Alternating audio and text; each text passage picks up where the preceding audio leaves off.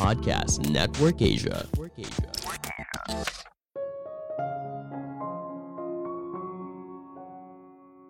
Menjadi lucu itu bukan bawaan lahir, tapi merupakan sebuah keahlian yang bisa dilatih.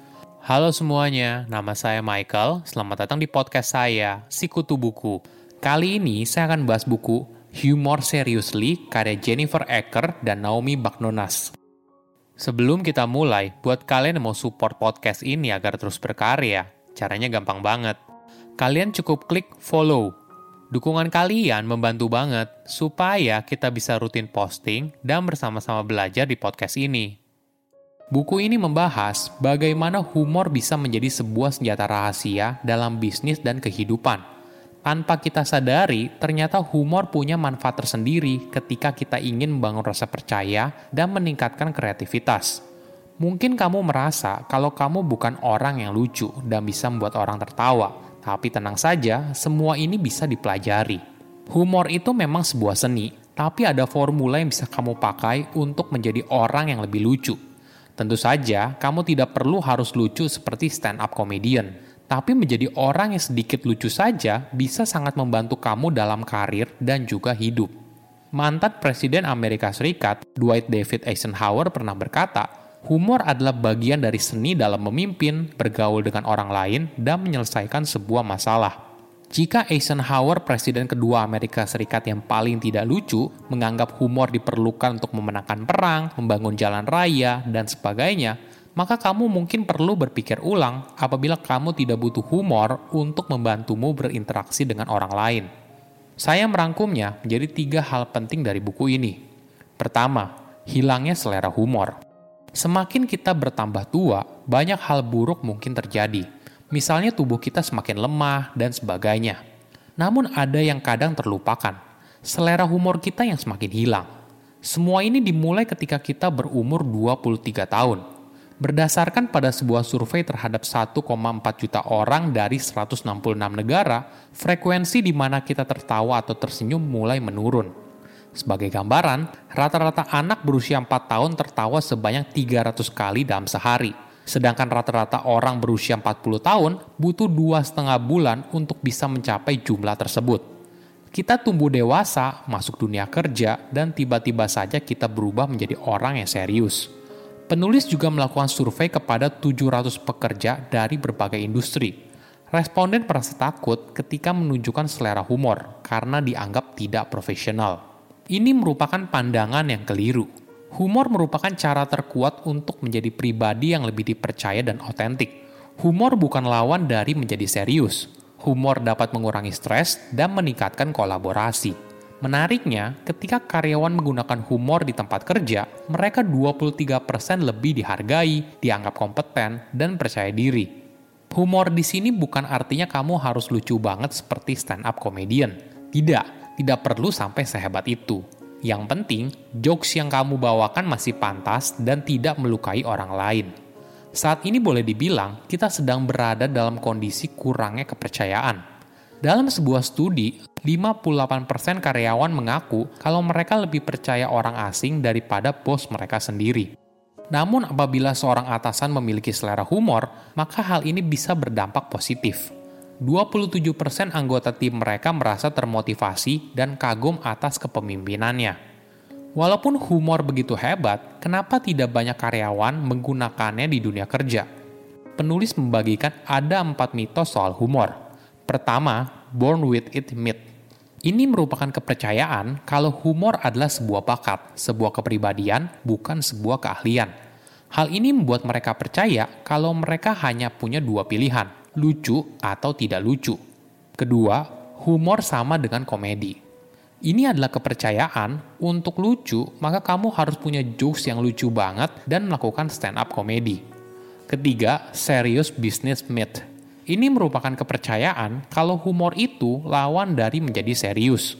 Jika kita menganggap pekerjaan kita adalah hal yang serius, maka tertawa atau lelucon akan mengurangi hal tersebut. Keempat, failure myth. Ini merupakan ketakutan seseorang kalau lelucon yang mereka sampaikan tidak lucu dan akhirnya malah membuat orang lain menjauhinya.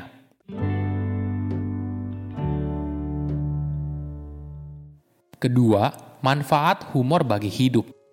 Humor tidak hanya berguna di dunia kerja, humor juga bisa membantu kamu saat melakukan negosiasi. Ada sebuah studi yang menarik.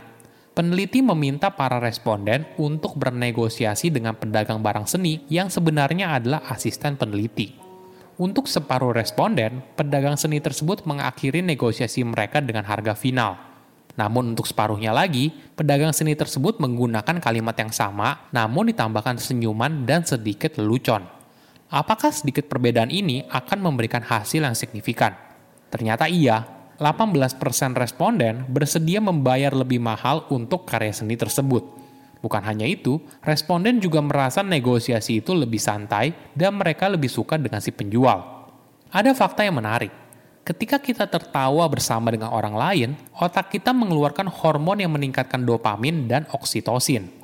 Dampaknya, kita akan merasa lebih tenang, percaya diri, dan bahagia dalam sebuah hubungan. Sebuah riset menunjukkan kalau tertawa bersama meningkatkan perasaan yang dekat antar manusia. Peneliti melakukan eksperimen ini dengan beberapa pasang orang asing untuk memberikan lima informasi tentang diri mereka kepada lawan bicara. Sebagian dari mereka menonton sebuah potongan video lucu dan tertawa bersama sebelum berbicara tentang diri mereka. Sebagian lainnya hanya menonton potongan video yang netral. 30% responden yang memulainya dengan potongan video lucu merasa lebih intim dan otentik saat berbicara dengan lawan bicara. Hal ini disebabkan saat mereka tertawa bersama, mereka sedang melatih otot empati mereka sehingga menciptakan perasaan yang dekat satu sama lain.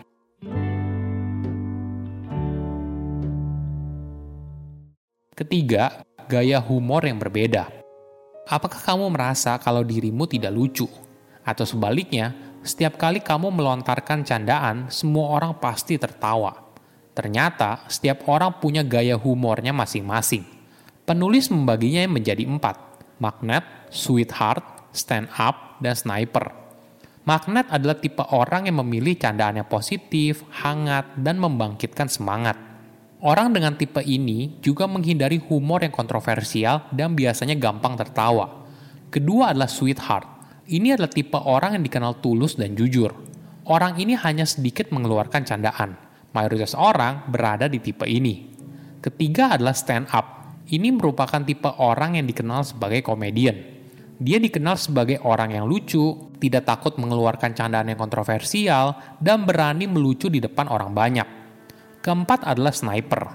Tipe orang ini dikenal sebagai orang yang sarkastik dan tidak takut mengeluarkan candaan kontroversial agar orang lain tertawa. Menariknya, wajar saja apabila kamu di rumah dan kamu di tempat kerja memiliki gaya humor yang berbeda. Apabila kamu penasaran apa gaya humormu, silahkan ikuti langsung tesnya di website mereka ya, humorseriously.com. Perlu kamu sadari, kita jangan melihat humor sebagai menjadi orang yang lucu, tapi coba lihat humor sebagai cara kamu membangun kebahagiaan, mencari alasan untuk tersenyum, dan sebagainya. Menjadi orang yang humoris itu bukan bawaan lahir, tapi kita bisa mengibaratkannya seperti sebuah otot. Mungkin sekarang otot itu lemah karena jarang sekali digunakan. Namun semakin sering kita menggunakannya, maka kita menjadi semakin nyaman dan alami untuk membuat diri kita sendiri dan orang lain tertawa. Menjadi humoris itu tidak berlawanan dengan menjadi serius. Karyawan yang humoris ternyata lebih disukai dan dipercaya oleh orang lain. Saya undur diri, jangan lupa follow podcast Sikutu Buku. Bye-bye. Pandangan dan opini yang disampaikan oleh kreator podcast, host, dan tamu tidak mencerminkan kebijakan resmi dan bagian dari podcast Network Asia. Setiap konten yang disampaikan mereka di dalam podcast adalah opini mereka sendiri dan tidak bermaksud untuk merugikan agama, grup etnik, perkumpulan, organisasi, perusahaan, perorangan, atau siapa pun dan apa pun.